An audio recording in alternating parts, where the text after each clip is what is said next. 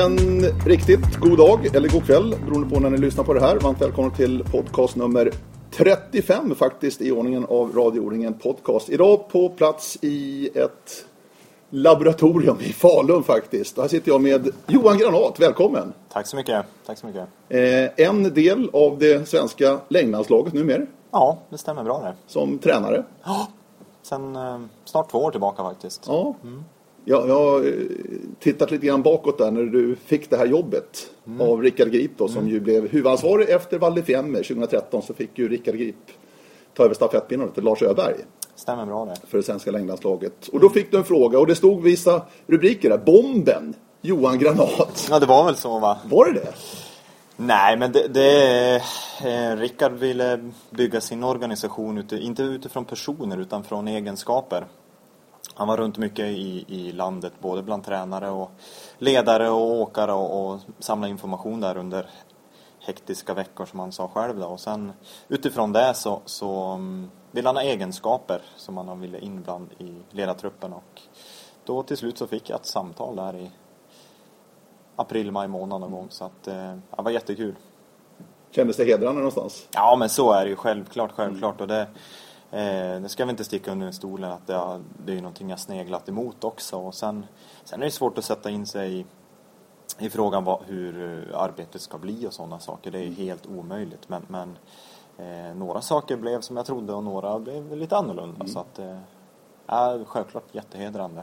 Låt oss återkomma till det Johan. Eh, det här är ju en del i orientering i blodet. För det har du ju verkligen. Självklart, ja. självklart. Visst är det så. Berätta, alltså, är du orienterare, skidåkare, skidorienterare från början? Vad, liksom, vad hade du för fokus när du var ung och tittade framåt och uppåt? Ja, först och främst så var, så var det ju längdskidor på vintern och eh, som så, fotorientering, om vi säger så, på, på sommaren. Och, eh, sen var det lite av en ren slump så åkte jag ungdoms-SM i skidorientering i, som 15-åring gick väldigt bra och eh, åkte som 16-åring gick lite sämre. Men det där kände jag att det var en väldigt rolig kombination så att eh, eh på andra året på gymnasiet så fick jag en plats nere på Huskvarna på, på skidgymnasiet där eller skidorienteringsgymnasiet. Sandagymnasiet? Ja, exakt, exakt. Så på den vägen vart det ja. lite mer och vart mer skidorientering och eh, orientering egentligen på sommaren. Och ju längre och äldre jag blev och, eh, så vart det mer skidorientering än, än fotorientering också. Då, så att, mm. Mm. Och fotorienteringsmässigt, det kommer jag ihåg faktiskt väldigt väl. Vi var speaker då nämligen. SM i Dalarna 2005. Ja. Det är tio år sedan. Snart. Ja, det är det. Det stämmer. Till hösten är det faktiskt tio år sedan. Ja. Oj, tiden går. Eh, då du var med, du sprang för IFK Lidingö när du mm. gick på GH i Stockholm. Ja, precis.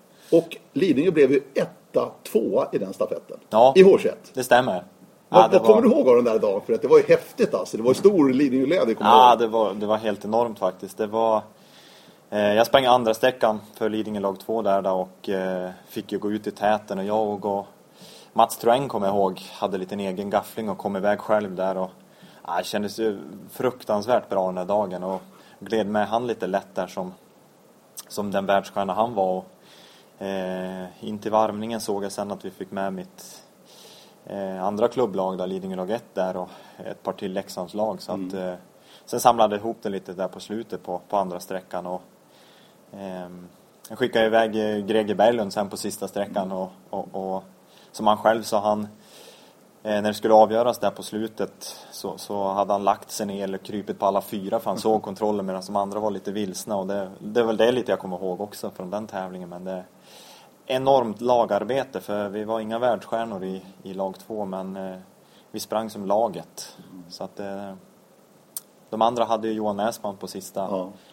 Och där var det ju en världsstjärna som, som avgjorde egentligen hela stafetterna. Men det är en av de större, större idrottsdagarna i min karriär. Så ja. är det helt klart. Och skidorienteringsmässigt då Johan? Där har du också nått framgångar. Ja, jag har ju fem... Varit med på mästerskap. Ja, jag har fem internationella medaljer här. Så att, eh, och det är väl... Eh, Vad minns du bäst från skidorienteringen?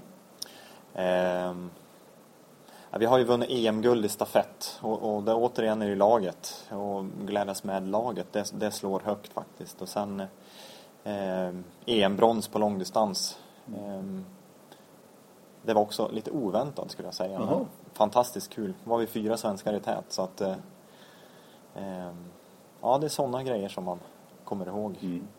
Och, ja, det har varit snöpligt nära VM-guld i stafett också. Så att det, men så är det. det jag får inte någon VM-guld. Så är det. Ett VM i skidorientering som precis avgjort förresten. Ja. Har du hängt med lite grann? Eller? Ja, ja, självklart. självklart. Ja, kul, jag kul. sneglar på de där resultaten Ja, lite. vi Så. ska komma tillbaka skidorientering kontra längdåkning lite grann. Men din tränarkarriär, som jag sa, Mm. du eh, valde alltså GIH-spåret Ja, det för att stämmer. få en gedigen utbildning. Hade du tränare som mål liksom?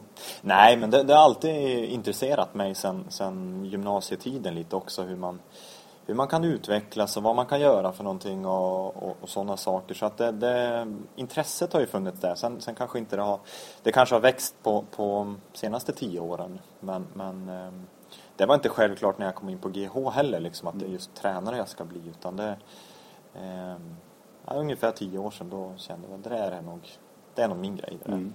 Men vad, vad hade du liksom, ville du bara ha en bra bas så att säga och kunna ta det vidare Ja, någonstans li, lite så är det. På, på GH är det ju en ganska, det är en ganska bred utbildning. Eh, och där kan man välja lite. Jag utbildar mig ju till, till eh, tränare och idrottslärare. Mm. Så att eh, eh, en otroligt bred bas att stå på. Sen, Mm. Där kan man välja lite, lite vad man vill i Mm. idrottsspåret egentligen. Så att, eh, Jag vet att det är många yngre som lyssnar på oss, eh, går vi gymnasiet och sådär, Mm. kanske funderar på GH. Du rekommenderar i alla fall det som en, det är en bra utbildning, en bra skola liksom, man, Ja, om man har jag. intresset. Det tycker jag självklart, självklart. Otrolig kompetens på skolan finns det och, eh, och klasskamraterna som är liksom där av, av samma intresse, idrottsintresset och sen Sen att du har en slalomåkare i klassen och du har en fäktare som jag hade och en eh, gymnasttjej och det var en volleybollspelare och ge en liten bred eh, bred kunskapsbas utöver sin egen idrott egentligen också. Så att eh, eh, otroligt lärorikt på så sätt. Tycker jag. Sen sitter, vi sitter ju uppe på ja, det här stora, imponerande Mm. Lugnetområdet här, ganska nära skidstaden och Scandic Hotel. Ni vet ungefär vart det är någonstans i Falun. Och här har ju du jobbat, Yes, stämmer. på Dala Sports Academy. Ja. Vad, vad gjorde du? Jag jobbar som, eh, först och främst jobbar jag som orienteringstränare. Var så jag kom in. Sådär ja. Eh, jag fick en eh, lite procent av Per Spik som jobbar på orienteringshögskolan då. då. Eh, och sen eh, eh, fick jag lite mer procent och sen fick jag procent på, på skidorientering och längdskidor. Och sen till slut så jobbar jag ja, 100 procent på, på skiddelen. Mm. Här då. Så jag var här i fem år innan landslagsuppdrag då, så att Just det. mm. Och nu alltså mitt inne i eh, din andra säsong då kan man säga. ja, Som tränare då för svenska landslaget. Vad, vad har du för befattningsbeskrivning där? Vad, vad är ditt jobb så att säga vad gäller svenska landslag? Det är ett 100% jobb året runt. Ja, visst, visst är det så. Vi har en bra bit över 200 resdagar. Så att eh, bara det är ett hundraprocentigt arbete. Så att, nej, men jag jobbar, min, min titel är längdskid, eller, mm, tränare i, i laget. Då. Damer som herrar egentligen. Men jobbar mycket, mycket mer åt, åt damhållet. Eh, och har vi splittade läger så är jag med damerna också. Och sen hamnar vi väl i, i tävlingssituation så är jag ansvarig damer sprint på de tävlingsdagarna. Då, då är det jag som får styra lite eh, hur vi vill ha det och sånt. Så att, och det, så har vi jobbat i snart två år också så det, det rullar på bra. Men hur, hur, hur fungerar det? Jag är lite nyfiken. Du säger att tränare då. Men det här är ju individuella idrottare. Ofta har de en egen tränare hemma också. Vad kommer du in i bilden här och vad kommer landslaget in i bilden kontra då de personliga eller klubbtränare vad som finns? Men det, det är ju en... Eh, vi har dem ungefär någonstans mellan 65 och 75 lägerdagar per år. Och utöver det så försöker vi störta dem så mycket på hemmaplan mellan våra aktiviteter också. Och det här är ju väl innan eh, tävlingssäsongen börjar också. Så det gäller ju att ha en dialog med, med kanske den personliga tränaren. Någon, någon jobbar med oss i laget och, och vi är ju kanske de som, som ser den aktiva absolut mest. Eh, och det gäller ju att få ett förtroende för, för åkarna. Eh, och eh, där får man ju vara lite försiktig från början och inte klampa in och så här och så här och här, så här ska vi göra. Utan förtroende byggs över tid. Eh, och visa mina kunskaper och, och sådana saker. Så att, så att eh, det är hela tiden ett bollande. Eh, vi ser dem mycket på läger och då kanske de resonerar lite mer med oss. Och de har kanske en, en, en bas hur de vill bygga säsongen med sin personliga tränare lite också. Så att, ehm, ett förtroende som, som eh, bra kommunikation mellan alla parter, då blir det ett bra resultat. Mm. Och det här är liksom inbyggt på både uppbyggnad, alltså kondition, muskulaturen, till små tekniska saker också. Ja, visst är det så. Det är, visst är liksom så. hela paletten. Det stämmer, det stämmer. Vad, vad, vad är det mest? Är det ol- olika perioder på året naturligtvis kan jag tänka mig? Lite olika Jo, saker men, så, eller? men så är det ju. På kanske tidigt på under våren framåt sommaren så, så kanske vi inte då kanske vi petar ganska mycket i tekniken och man märker lite att det är vårsäsong också men inte riktigt sådär på hugget och, och, och det tror jag är ganska bra också. Sen eh, under sommaren och tidig höst så har vi lite mer volym kanske i träningen också. Vi hamnar lite på snö ibland och vi, vi jobbar väldigt mycket teknik då också. Sen där vi sitter idag, ett par dagar innan, innan VM, så är det idel positiv feedback från allting egentligen. Allting är bra. Vi har... Vad menar du med det? Alltså att, Nej, men vi, det, det är ingen idé att vara där och peta Nej, på, så, på, ja. på någon teknikgrej eller några sådana saker, utan det är så små grejer. Utan det gäller bara att stärka dem hela tiden nu. Så att, eh, jag var ute här på förmiddagen och kört lite och allting såg ja, klockrent ut ungefär. Så Mm. det är så, små saker vi jobbar med på vårt uppladdningsläger här också. Så Mm. att, eh, de är finslipade liksom på som sitter nu. Och sen kan jag tänka mig också, nu har du fått, blivit hyfsat varm i kläderna då i den Mm. här organisationen. För att som jag sa, det är individuella idrottare och det är väldigt individuella personer också. Du måste ju lära känna personen också Mm. Yes. bakom den här skidåkaren. Ja, visst, och det måste också vara en otroligt viktig sak i det här. Ja, det är ju, det är ju mer viktigt kanske själva skidåkaren, att känna personen liksom. Så att eh, känner man inte den, då känner man inte skidåkaren heller. Så att, eh, ack så viktigt. Eh, efter fjolårssäsongen då, med det extremt framgångsrika Sochi-OS i Krasnaja Polyana. Vad tog ni med er alltså inför den här då säsongen som kändes minst lika viktig med ett hemma-VM här i Falun, Johan?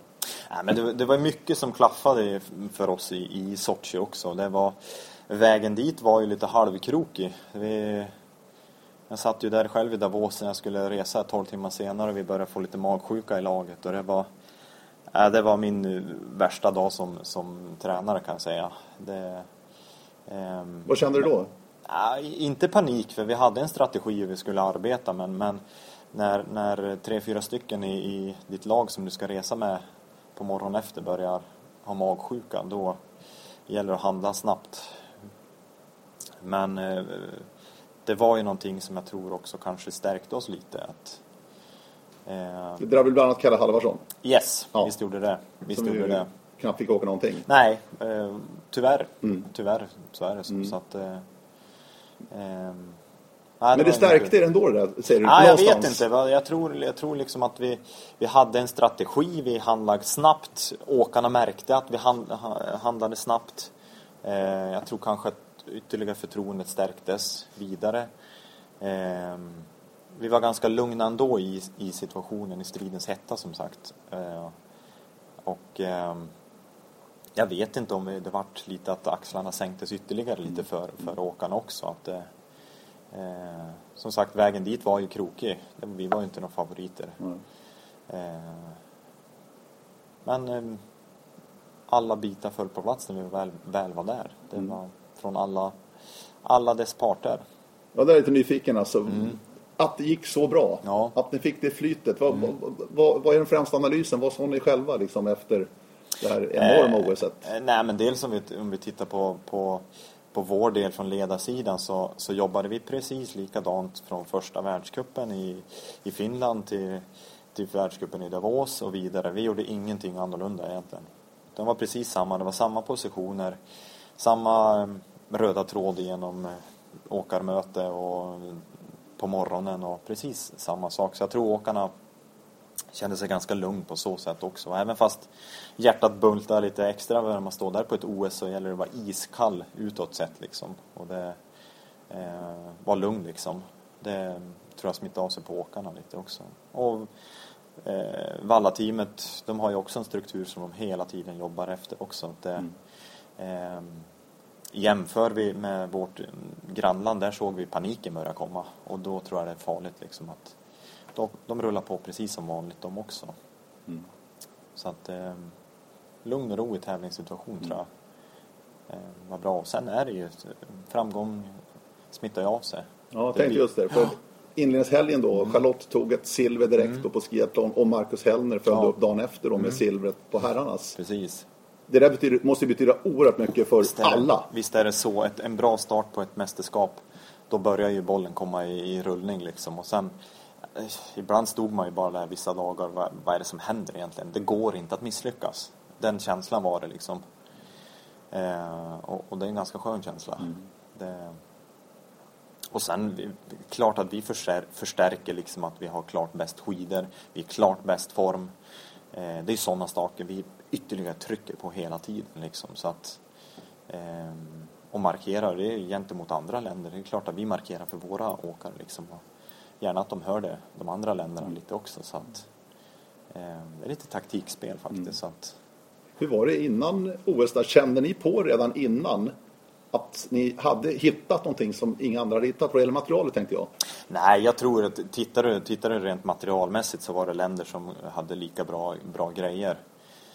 Eh, så var det, vi hade inte outstanding grejer men vi hade riktigt, riktigt bra grejer. Det hade vi så att eh, nu kikar man mycket åt norska hållet att de hade så dåliga grejer men det var fler länder som hade bra grejer liksom. Att, eh, men det, det, är klart, våra, vårt Valla-team är ju tävlingsmänniskor de också. De vill ju ha bäst grejer. Det är ju mm. inget snack om saken. Mm. Eh, och där tror jag att eh, man måste ha den där eh, tävlingsjäveln. Det är klart att vi ska vara, vi ska vara bäst. Vi ska ha bäst skidor, vi ska ha bäst matchning. Eh, vi vill vara bäst på sidan av också. Så att eh, eh, det tror jag gör att det smittar av sig lite på åkarna också. Mm. Vi, vi, ska ha driv i, i verksamheten hela tiden. Mm. Ja, det var så häftigt hade ju förmånen att vara på plats mm. själv där i, i Sochi och Krasnaja Paljan. Och det, det, den minnesbilden jag har, framförallt, det är ju damernas stafettguld. Mm. Och framförallt Emma Wikén mm. på andra sträckan där, den klassiska. Mm. Hon hade grymma skidor. Det är mm. sällan jag har sett så tydlig skillnad mm. faktiskt. Som Emma den dagen. Så att någonting var det i alla fall, att ni hade hittat rätt. Det är definitivt. Och sen, sen är det kanske att det där loppet som Emma gör där, det är hennes karriärs bästa lopp. Så hon hade ju kroppen liksom där och hade ju självförtroendet också för att, för att köra. Det var det och, eh, det var häftig känsla. Det var det. jag, tror, jag tror sällan att, jag tror, jag tror aldrig ett sånt OS kommer upprepas i Sverige, alltså med 11 medaljer. Ja, vi får väl vi se. hoppas i och för sig. Självklart. Men självklart. det var en otroligt bra utdelning. Ja, det var, det var lite stolpe in, det ska jag väl ja. säga. Du, när jag ändå är inne på det här med tävlingar, jag tänkte göra en rent praktisk, konkret sak. Hur, hur lägger ni upp en tävling? Alltså själva stöttapparaten mm. runt. För att ni är väldigt många ledare mm. och väldigt många som jobbar mm. runt en tävling. Vi ser skidåkarna liksom åka ja. runt sina spår. Men det står ju svenska ledare ganska mm. mycket. Och vad gör alla? Och hur, och hur planerar man en sån här dag? En tävlingsdag? Ja, först, först och främst kan man säga att vi, vi jobbar som i i små block, om man säger så. Valla, Valla teamet, det är Valla-teamet. Där är inte vi och rör någonting. De gör sitt. Vi har vårt eh, medicinska team med läkare och massörer och naprapat. De sköter eh, sina grejer. Där är inte vi och rör någonting. Självklart finns det en dialog hela tiden, men eh, likt som Valla-teamet inte är inne och rör någonting som gäller oss tränare heller. Eh, så det tror jag är en viktig grej att eh, var del sköter, sköter sitt. Sen när vi väl hamnar på, på tävlings, tävlingssituation, eller tävlingsplats och tävlingsdag så, så det stora arbetet gör ju vallarna fram till kanske mm. fem minuter innan start. Mm. Eh, och tar vi som ett, ett traditionellt lopp så, så har vi, är det damer så står ju Mattis Persson i, i start med damen och sköter all kommunikationstrafik därifrån. Och, eh, jag och någon till står ute med tidsmatchning och övriga eh, står egentligen med, med, material ute på banan. Eh, vi som står på tidsmatchen rapporterar hela tiden så, så att alla hör. Eh, och, och eh, samtidigt kan de andra personerna få lite vad, vad de kan matcha för någonting också. Men det är hela tiden den som är i eh, tävlingsansvarig för dag, dagen som styr kommunikationen där då. Mm. Eh, och eh, vi försöker hålla igång eh, kommunikationen där på radion så mycket det går för då är vi med liksom i, i tävlingen så gott det går också. Mm. Så att, Eh, det kan vara taktiska, det kan vara tekniska detaljer som skickas ut och, och sådana saker. Och det, eh, som, som, för mig om jag ska tidsmatcha på, på traditionella loppen så eh, ibland kan det vara lurigt att veta vad man, vad man ska säga för någonting. Och ibland är det hur enkelt som helst. Då. Eh, mm. Förhoppningsvis så, så kan man plocka de där sekunderna lite med, med rätt, säga rätt saker till dem också. Så att, körde ju en liten vit lögn med Daniel Rickardsson där på 15 km klassiskt på slutet. Det, sista backen upp där. Vi kapade några sekunder för honom. Mm, vi hörde det faktiskt. I rent eh, taktiskt syfte. Så att, ja. eh, ibland får man göra det. Det räckte Det räckte. Och det, Två tiondelar. Det räckte, mm, precis, det var det värt. Så att, ja, det var det verkligen värt. Sen behöver man inte veta om det. Men, men, det... men är det olika också hur, hur åkarna vill ha informationen? Är de lite, ja, eller... li, lite, lite så är det. Det, det. det är en grej man får, får helt enkelt stämma av innan. Det, det är det, men de flesta vill, vill um, man, man, kan generellt säga lite att man matchar lite lugnare från början och sen successivt så bygger man upp det där lite också. Att mm. inte bli stressad från början om det är ett lite längre lopp till exempel. Utan eh, det kan man då höra på tonläget lite också. Så att, eh, men självklart, det är små detaljer, mycket små tekniska detaljer som som de vill höra lite som, som man kan påminna dem ute på banan lite också. Så att... Mm. Du skidorna förresten. Mm. Hur pass involverade är åkarna i vilka skidor de åker på till slut? Ja, men i, I grund och botten så är det ett, de måste ju ta beslutet själv till slut. Eh, ibland kan det vara så att vi hamnar på tävling och att eh, man, man ger det beslutet till, den, till vallaren. För man, man jobbar alltid så att en vallare och en åkare jobbar ihop. Då. Mm. Eh, och det sållas, vallaren sållar skidor så till slut så på tävlingsdagen kanske det rör sig om två eller tre par. Något mer är det inte. Och sen är det i grund och botten är det ju det egna beslutet de måste ta. Sen kan man ju hela tiden ha en dialog med, med vallaren. Då, men... Mm. Johan Granathorn är alltså en del av det svenska längdlandslaget och eh, staben runt åkarna kan man säga. Du har tagit med dig från skidorienteringen i en längdåkning tänkte jag. Har du lärt någonting? Kan du ta med dig någonting därifrån? För att det är väldigt annorlunda skidåkning skidorientering. Ja, man hugger ju med liksom. Visst är det Eller så. hur? Visst är det så. Du kan inte åka ut på samma Nej, sätt som men, man... precis. Nej men det, det är lite eh, tekniska grejer tror jag har tagit med mig lite. Att när ska du skapa fart och när kan du, ska du inte eh, gå på max liksom. Och, eh, man, man, känner ju att man är ganska trygg framförallt när man åker ut för på de här spåren, ja, på de här gatorna liksom. Mm. Eh, och hamnar på någon meter bred gata i eh, innersta Ryssland där det inte ser var, var det slutar någonstans. Så man, blir, man får ganska bra balans liksom. Eh, sen är det ju två helt olika världar egentligen som, som skidhanteringen och längdskidåkningen också. Det, mm. eh, men det, det skidhanteringen har givit mig ganska mycket också. Det, perspektiv framför allt. Liksom till två olika arenor om jag säger så. Ja. Vi ska komma till det alldeles strax tänkte jag. Jag ska bara först det här med, det finns också två olika världar tycker jag inom längdskidåkningen sprintåkarna kontra mm. de traditionella åkarna mm. vad det gäller träningsmässigt. Om man ser på en sån som Emil Jönsson, mm. som i och för sig är en duktig distansåkare också. Mm. Men man ser på hans lår, det ser ut som en skridskoåkare. Mm. Eh, har, har, han medvetet byggt sin kropp på det sättet för att bli en explosiv och bra sprintåkare? Kan man säga ja, det? Eh, på sätt och vis skulle jag säga. Men, men eh, jag tror det är farligt att liksom, som, som vi säger att man, man stoppar in folk i sprintfacket. Mm. Eh, och, och, dagens sprintskidåkning är ju det är ju väldigt mycket kapacitet ändå som det krävs. Så att bara köra sprint, sprint, sprint, sprint, det är inte det som är liksom själva grejen utan tittar du på Emil framförallt så, så det skiljer inte jättemycket mot en traditionell åkare heller. Sen har han explosiviteten och snabbheten eh, rent naturligt i generna. Mm. Så att eh, eh, jag tycker det är farligt att säga att man, man tränar sprint vi, vi kanske slipar på vissa mer detaljer för sprintåkarna och eh, kanske den totala träningsbelastningen är lite, lite mindre för att när vi väl, när sprintåkarna får fri fart då, då blir det eh, det kostar lite mer för dem. mm. eh, än, än för en traditionell åkare till mm. exempel och återhämtningstiden blir lite längre också så då mm. får man laborera lite med, med totalbelastningen där istället men, men generellt så tränar man väldigt lika skulle jag säga.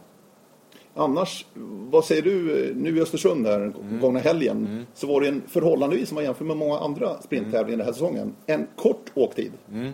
Alltså mer sprintmässigt tycker jag då, mm. jämfört med en fyra minuters sprint då, som det ja. varit ganska många gånger här. Precis. Vad säger du om det? Alltså, ska du inte liksom försöka vara hyggligt nära i tiden då? Jo, det tycker jag. Det, det, och framförallt så eh, det är kanske så här att på vissa tävlingar måste vi jämka lite eh, från publiken och från åkarna lite att vi, vi, vi har sådana här tävlingar också eh, och skapar evenemang kring, kring tävlingarna. Och då får åkarna jämka lite från sitt håll också. Och det är bara att titta lite vilken publiktävling det var egentligen i Östersund. Sen bör som sagt börja tävlingen över fyra minuter. Då, då blir det inte riktigt sprinttävling kvar mm. utav det heller. Så, så hellre liksom att man ser någonstans ungefär vart ska, vad ska segratiden ligga någonstans. Det kan skilja, ja, en bana är 1200 meter, den andra är 1200 meter men det skiljer en halv minut ändå i, beroende på hur det ser ut och sånt. Så att, eh, jag, tror, jag tror den här VM-banan kommer, eh, den kommer bli bra. Mm. Den är 1,6 ja. här i Falun. Och här kör ju damerna lite kortare, de viker av lite snabbare den här backen. Gör de inte det? Nej. Det kommer bli samma? Det kommer bli samma. Ah. På, på individuella sprinten åker de samma bana. De kör samma? Ja, det gör de. Och på teamsprinten så viker de tidigare. Aha. Yes. Det gör de. Det tycker inte jag om. Nej, det är min personliga åsikt, ursäkta. Jag, jag, jag, tycker, jag tycker att man kan, man kan inrikta sig mot en... Eh, säg att herrarna åker tre minuter, kan damerna åka tre minuter Exakt. också. Ja. Det, där tror jag det eh, Och framförallt på, på damsidan så tror jag att vi kan göra hellre att det blir för kort än för långt. Mm. Det tycker jag. Mm. Vi ska återkomma till lite skid-VM och chanser där med Johan naturligtvis mm. om en stund. En sprintdag mm. för en som går hela vägen. Mm. Kvalet, kvartsfinal, semifinal, final. Mm. Det är en enorm belastning Johan, det vet ju du. Ja, det, det, är en det, tuff dag. Det är en lång dag. Ja, men hur, hur, hur påfrestande är det för, för de här åkarna? Ja, det, det, det är ju som sagt en, en, det blir en lång dag för dem. Även fast det är inte så många kanske rör sig om 12 minuters åkning ja. om du går hela vägen, 12-13 minuter. Så, men det är hela tiden den där anspänningen att, att åka vidare, åka vidare, åka vidare. Eh, och, och sen är det ju ett, det är ju lite glapp där från prolog till, till eh, kvartsfinal. Men det, vi har lite, de ska göra lite behandlingar och, och stoppa i sig någonting att äta och vilket hit går jag i, vilka åker jag med. Eh, ska jag ut och testa något nytt? Har det börjat snöa? Eller sådana saker. Så det är hela tiden det ligger på liksom. Och energi, energiförbrukningen en sån dag eh, ja, kan nästan vara liksom som att de åkte en tre eller en fem mil. Eh, har vi sett då. Så att, mm. så att, eh, det är så alltså? Ja, det är faktiskt så. Fast det kanske bara rör sig om 12-13 minuters åktid så, så hela tiden går på, på anspänning blir det. Mm. Men man ser ändå de som är duktiga och verkligen kan det här. Mm. De orkar ju mm. även finalen. Ja. Sen ser vi ju ganska många som är bra i början liksom, mm. Men sen som tippar av liksom. Mm. Orkar inte. Ja, då är jag tillbaka till mitt, det här med kapaciteten. Ja. Det, det, vi har ju våra sprintåkare som kanske, som du säger, att de klarar en, en prolog och, och kanske en, en kvart, men sen är det ingenting mera. Eh, och eh, de kanske åker lika fort som den som vinner till slut men, men rent kapacitetsmässigt så orkar de inte. Så att, eh, hög kapacitet, bra återhämtning. Mm. Så är det. Så att, eh. Vi kikar på alpina VM lite grann, inte allt men några här. Och de besiktar ju banan innan, ja. ganska noggrant. Mm. Hur är det med sprintåkande? Besiktar man också den banan, hitta rätt linje och sånt här i, i Framförallt då i kvalet när man är ensam. Mm. Jo, det, det, det, gör vi alltid. Och tar vi den här sprintbanan på VM till exempel så Eh, så dels tävlade de på världscupen i fjol och dels åkte några skandinaviska cupen här och dels har vi gjort en ganska stor analys utav den. Eh, och så sent som idag var vi ute och finslipade lite sista grejer så att Visst är det så. Det är linjeval utför och det är hur du står på skidan och vilken frekvens ska du använda där och vilken Eh, delteknik ska du använda där och ska du byta delteknik där på grund av att det kostar eller vart kan du skapa fart någonstans.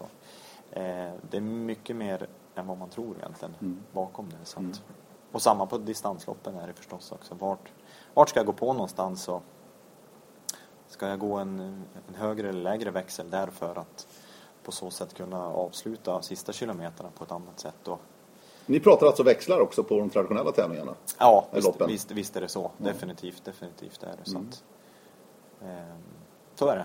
Okej. Mm. Eh, skidan Mm. i sprint, Mm. kör man på en kortare skida där eller? Nej, det är samma. Det är samma, samma. Mm. Det är samma, samma. Det är samma, samma. Mm. Mm. Det är det. Du, eh, alldeles strax mera skid-VM-snack, men eh, nu tänkte jag först ta det här med eh, skidorientering där du har varit verkligen inne i den världen och längdskidvärlden. När man pratar strålkastarljus så är det ju, det är ju som natt och dag. Ja, Det går inte att jämföra. För att ni följs ju väldigt, väldigt mycket av media. Både skrivande och eh, rörlig media. Mm. Eh, Medan skidorienterarna lever ju lite i skuggan verkligen alltså. Vad är din känsla nu när du liksom har känt på båda världarna? Det, du måste känna att det är en enorm skillnad. Ja, på, på, på sätt och vis skulle jag säga. Sen eh, även där man står på en, en VM-stafett i skidorienteringen och ska iväg och anspänningen är, ja för min del var den väldigt hög tycker jag. Och det är precis samma anspänning som man har lite nu ute när man står, står som ledare också och ansvarig för tävlingsdagen. Så att eh, det är samma känsla. Jag är eh, nervös, smånervös Ja. när jag står här ute som ledare och ehm, så som det var på skidorienteringen när man, när man tävlade. Eh, sen blir det ju liksom att det som, eh, det som är runt omkring ändå eh, någonting som tillhör längdskidåkning och man börjar bli lite van där egentligen. Så att, eh, jag märker inte av det jättemycket ska jag säga. Det, det är det inte utan det är prestation som prestation egentligen. Eh, oavsett om du står i spåret eller utanför spåret. Så att, Men jag tänkte, ja klart, du är kanske lite mer en dålig står i det här, den här stora gänget. Men åkarna då som Charlotte Kalla och Marcus Hellner och de här stora åkarna, Johan Olsson, eh, Stina Nilsson nu också. De måste ändå känna, på, känna av det här. det tror jag. Det, De är ju det- villebråd i Ja, stort visst. mångt och mycket. Visst är det väl så. Det, det vore konstigt annars om de inte kände av det. Utan det som sagt, vi, vi har ju haft ett eh, tv-team med oss hela, hela träningsåret egentligen som har stått där med en kamera också. Eh, det är någonting som tillhör, eh, tillhör sporten och det, det är någonting som eh, desto fortare du åker på skidor ju, ju mer arbete får du med, med media egentligen. Är det, ju. så är det ju bara. så att Eh, sen å andra sidan kan du ju vända på det att det, eh, det blir en marknadsföring för dig själv också. Och eh, på så sätt kan, kan leva på idrotten och kanske kan leva på det efter idrotten också. Så att man kan ju vrida och vända på det där lite men det är någonting som tillhör. Mm. Det är det, så att. Men kan du känna någonstans, du har snart inne i skidorienteringsvärlden, en, en viss lite orättvisa ändå? För att jag menar skidorienterarna, du har ju varit där själv, lägger ju också ner oerhört mycket tid Visst på sin träning. Ja, ja. Och är ju toppatleter de också. Jo men så är det. Men får ju i princip ingenting jämfört Nej. med vad längdskidåkningen får. Nej så är det ju. Utan det, ehm, Kan man göra någonting åt den här orättvisan tror du? Ja, men det, det, jag tror det är lite upp till, till var och en där också att våga ta för sig lite och våga marknadsföra sig själv också på de, på de tillfällen man får också. Och våga ta plats liksom. Det, det är så man eh, syns och hörs egentligen. Skid-VM på hemmaplan nu. Mm. Och det är verkligen hemmaplan för dig Johan. Ja, Du bor inte så långt härifrån. nej, jag bor en tre och en halv mil härifrån så det, det känns som att komma hem där. Så. Men du får inte bo hemma. Nej, det får jag inte. 200 resdagar sa du. Ja, jag tror jag Du är var borta mycket. 205 eller något sånt i fjol någonting. Så att. Hur får du ihop eh, livspusslet med dem där hemma? Ja, de, eh, eh, det går bra tycker jag. Vi, vi har eh, som sagt lite mindre och, eh, ja, men vi har lagt lite mindre arbete under april, maj, juni Mm. och juli. Och det, eh, likt åkarna ska vi vara som på tå när det bäst behövs också. Det är nu. Så att vi försöker bygga säsongen lite också. att eh, alla ledare är inte på alla tävlingar utan vi försöker ha lite luft i vissa partier Mm. på säsongen också. Så att, eh, det är nu som sagt vi ska vara på tå Mm. och prestera som bäst vi också. Så att, eh, när man väl är hemma då får man vara, får man vara hemma in- innanför husväggarna och Mm. umgås med Mm. nära och kära där. Ja, så att ta vara på de tillfällena. Mm. Så att, Känner ni av eh, att det är ett hemma-VM i Falun, även i ledare? Eh, personligen så, så funderar jag på det när jag var där och åkte skidor i Seiseralm på vår uppladdning här för ett par dagar sedan. Att då var det en vecka kvar till VM och det kändes som eh, nej, det var flera månader kvar liksom. Det, var så, nej, men det kändes så långt bort och det, ja, jag tycker fortfarande inte känns liksom jättenära men jag tror när vi väl är där ute på onsdag kanske och åker banan lite och sånt då tror jag kanske det kommer bli lite lite mera. Men, mm. men som sagt, vi, vi vet vad vi ska göra på torsdag och alla positioner liksom är klara och sånt. Så att, eh, det, det tror jag ger en trygghet i, i förberedelsen också. Så att. Sprint är det första tävlingsdagen här. Ja, fast det smäller igång direkt. Eller 19, förlåt. Smäller igång direkt ja. Ja, verkligen. Ja, ja. Du pratade om, det var en ganska krokig väg fram till OS i Sochi, mm. det framgångsrika. Mm. Den här vintern har också varit lite krokig. Ja, lite, lite upp och ner tycker jag ändå ändå många liksom som, som eh, har åkt fort liksom. Det, eh, kanske fått lite mer skit än vad vi egentligen förtjänar. Eh, men eh, det, är ju, det är ju det här, de här två kommande veckorna de vill prestera på. Mm. Det, det är så det är upplagt egentligen för mm. säsongen också. Det, eh, jag tror att det, vi, vi kommer som lite underdogs ganska många och det, Tror ni att det är underdogs? Ja, efter fjolårets OS? Lite, lite tror jag. Det är lätt att glömma bort OS där och sen titta vad som har hänt i november, december, januari hittills. Det, det har varit den röda armén som har trummat på där och jag tror de börjar... Ja, som sagt, vi får se vad som händer men jag tror det är många som börjar fundera lite nu. Mm. Det har varit mycket så. Eh, min känsla var även förra vintern då och Norge har ju som bredd. Mm. Har ju så otroligt många duktiga mm. åkare. Eh, min känsla, och vi har pratat rätt mycket i mina kretsar lite grann om det, att de är tvungna mm. att vara väldigt bra i form tidigt på säsongerna, mm. de norska åkarna. Framförallt på här sidan skulle jag säga. Ja. Eh, tror du det ligger någonting i det? Och sen att, man, att de tappar lite grann liksom när, ju längre säsongen mm. lider? Nej, men det är väl självklart, de måste åka bra på sina uttagningstävlingar tidigt för att få åka världscup. Du måste åka fort på världscup för att få vara kvar på världscup. Och är du inte där, ja men då åker du ur och vägen in tillbaka kanske lite halvkrokig också. Så självklart är det ju så. Mm. Eh, så är det på viss på, på ryska sidan också. Så att, eh, Medan några kanske utav våra åkare känner sig ganska trygg och, och kanske lite sådär svårt att tagga till det sista på tävlingar på så sätt också. På gott och ont som jag, eh, och eh, eh, som du säger att ut, vi har inte samma bredd som, mm. som Norge har. Och, eh, det är självklart någonting man skulle vilja ha. Och det får jag hoppas på sikt att det, det blir så. Mm.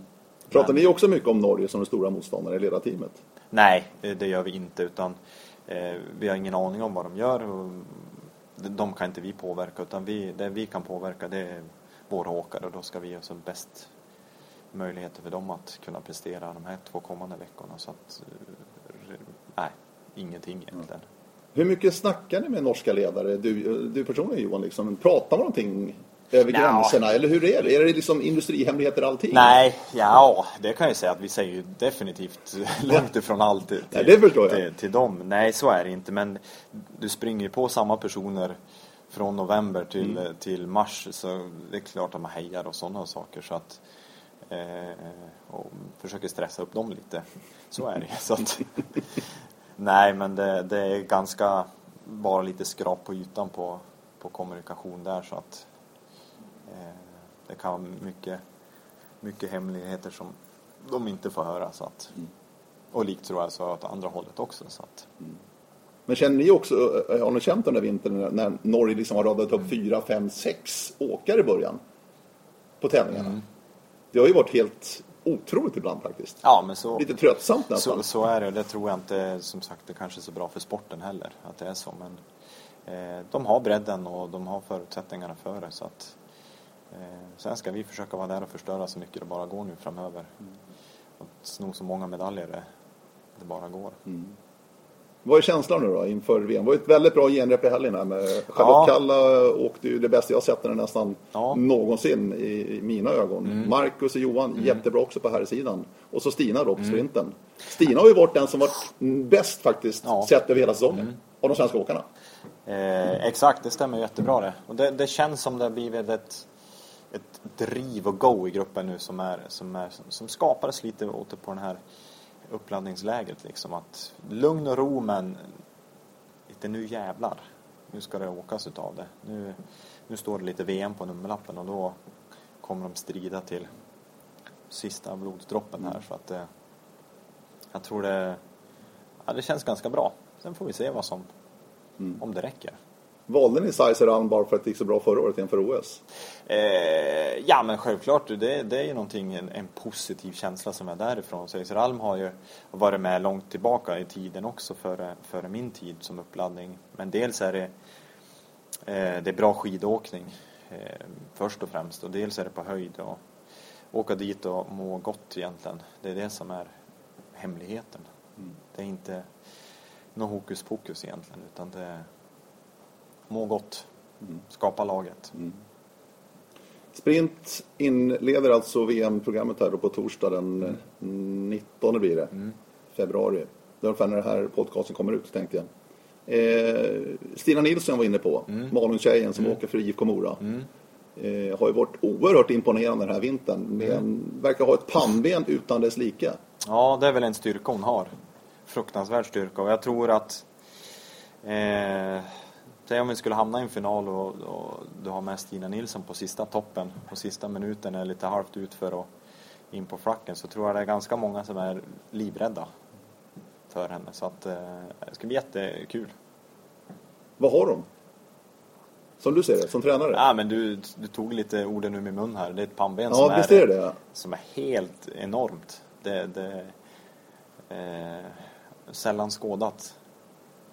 Och liksom, nej men hon är jätteseriös i det hon gör och vill hela tiden utvecklas också. Så att det, det är väl de egenskaperna egentligen. Mm. Sen har hon väl, har hon väl bra gener. Ja, Så absolut. är det. Så att, eh, får tacka mamma och pappa för det. Så att, eh, Annars, vad, vad ser du Johan som de stora, stora chanserna under VM här för Sverige? Vil- Vilka är det som eh, eh, du och ni ser? Nej, men jag, jag tycker ändå att varje distans som kommer gå så har vi medaljchans. Eh, bara det är en styrka i sig. Sen, eh, vi har lite olika personer som har presterat. Det är inte en och samma eh, som allting hänger på egentligen. Eh, så att eh, det är självklart eh, de fyra stafetterna. Där har vi bra chanser. Och sen som Charlotte åkte nu i helgen. Eh, skiathlonloppen till exempel. Och, se upp för Anna Haag på en, en eventuell en tre mil. Du säger det? Ja, det är Kul att höra. bara lite magkänsla. Ja, roligt. Ja. Du, eh, tänk på det, Sochi var ju framgångsrikt rent materialmässigt. Skidorna funkade väldigt, väldigt bra. Det var samma i Vancouver ju. Mm.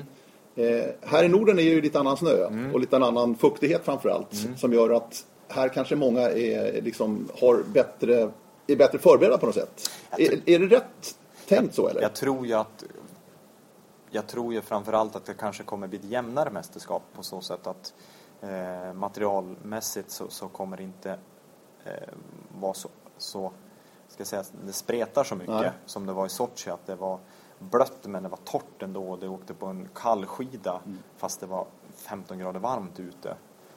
Eh, här tror jag att det blir mer eh, ska jag säga, vinterförhållanden. Nu ser det ändå ut som det blir, ska bli ganska varmt till, till sprintdagarna. Mm. Så att, eh, men det, eh, det ligger ju konstsnö liksom i, i, i botten. Jag tror att det kommer bli ganska jämnt där. Så att, Mm.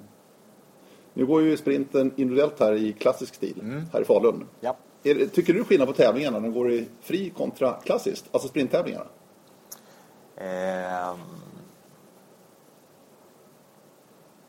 Nej, egent, egentligen inte. Du, du har ofta samma personer ändå längst, längst fram. Eh, jag tycker ju att en, en klassisk sprint ska vara en klassisk sprint. Eh, inte det här att ska du staka eller inte staka.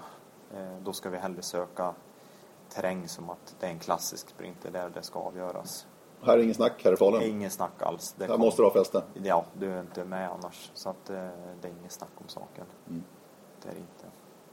För det är annars en stor eh, diskussion just nu. Även traditionellt. Ja, vi- visst är det Jag har så. sett både i Davos och Toblach den här vintern. Visst, visst är det så. Det, då, det är ju tyvärr lite det där att blir det något skateskär där eller blir det något skateskär där. Och är det en diskring eller inte en diskring och vi hamnar lite i det där hela tiden också så att eh, det är väl någonting som, som FIS får fundera lite på. Det blir spännande. Ja, visst är det så. Visst är det så. Du, 11 medaljer Ja. i Sochi Ja. för Sverige. Hur många blir det i Falun? Vågar du gissa eller Nej, har du någon känsla? Vi har ju satt vår målsättning att vi ska ju ta mer medaljer än vad alla mästerskapen här tidigare i Falun har inbringat. Så att eh, min fråga tillbaka är vad Ja, är det är en bra fråga. då? Det är en bra fråga alltså. Då borde det ligga på 6-7 kanske? Ja, fem. Var det fem senast? Ja, men då var det rätt ju. Ja. Så att eh, där eller mer då är vår målsättning. Ja, just det. Jag tyckte jag var offensiv när jag tippade sju medaljer Ja. inför Sochi. Ja, Det räckte ju inte. nej, precis. Nej. Nej, men det låter rimligt. Sex, sju stycken. Mm. Ja. Du, eh, blir det någon orientering för dig i sommar? Jag tänkte på O-ringen. Har du sprungit O-ringen? Det har du gjort. Jag har ju sprungit O-ringen många gånger. Det har jag. När var senast? Oj, när var senast då? Eh, nu ska vi se, inte i somras. Och det var nog ganska många år sedan. Ja. Jag har en totalseger från Har du det? Mjö, Mjölby. Oj, Ja, det är bra. 2007. ja, precis. Det stämmer. Vad sprang du flest då? H21 lång. Ja, Och ett par etappsegrar där innan någonstans. Så. det är bra. Ja, det är okej i alla fall. Men det blir lite orientering i sommar eller? Ja, om jag hinner med det i alla Ja. fall. Det, det, eh, jag har ju min fria juli där. Där rör vi inget arbete alls. Och då får vi se om jag prioriterar att åka på någon orientering eller inte. Det, Mm. det får nog den damen där hemma bestämma lite vad, vi, vad vi gör för Ja. någonting. Så att, eh, å andra sidan så går ju O-ringen i Arvika här snart som går på svärföräldrarnas bak, bakgård. Så att där kan vi nog mycket väl vara, vara med och tävla lite. 2017 är det Stämmer bra det. 2016 har du Sälen också. Ja, exakt, exakt. Det är inte heller så långt hemifrån. Nej, nej, precis. Det är grannbyn där uppe. Jättetrevligt Johan Granath. Stort tack för att du var med här i podcast nummer 35, Radio O-ringen alltså. Och eh, har ni frågor, spörsmål, önskegäster, bara hör av er på radio Nu håller vi tummarna för Sverige på skid-VM. Självklart. Absolut, det gör vi alla. Ha det bra, hej då!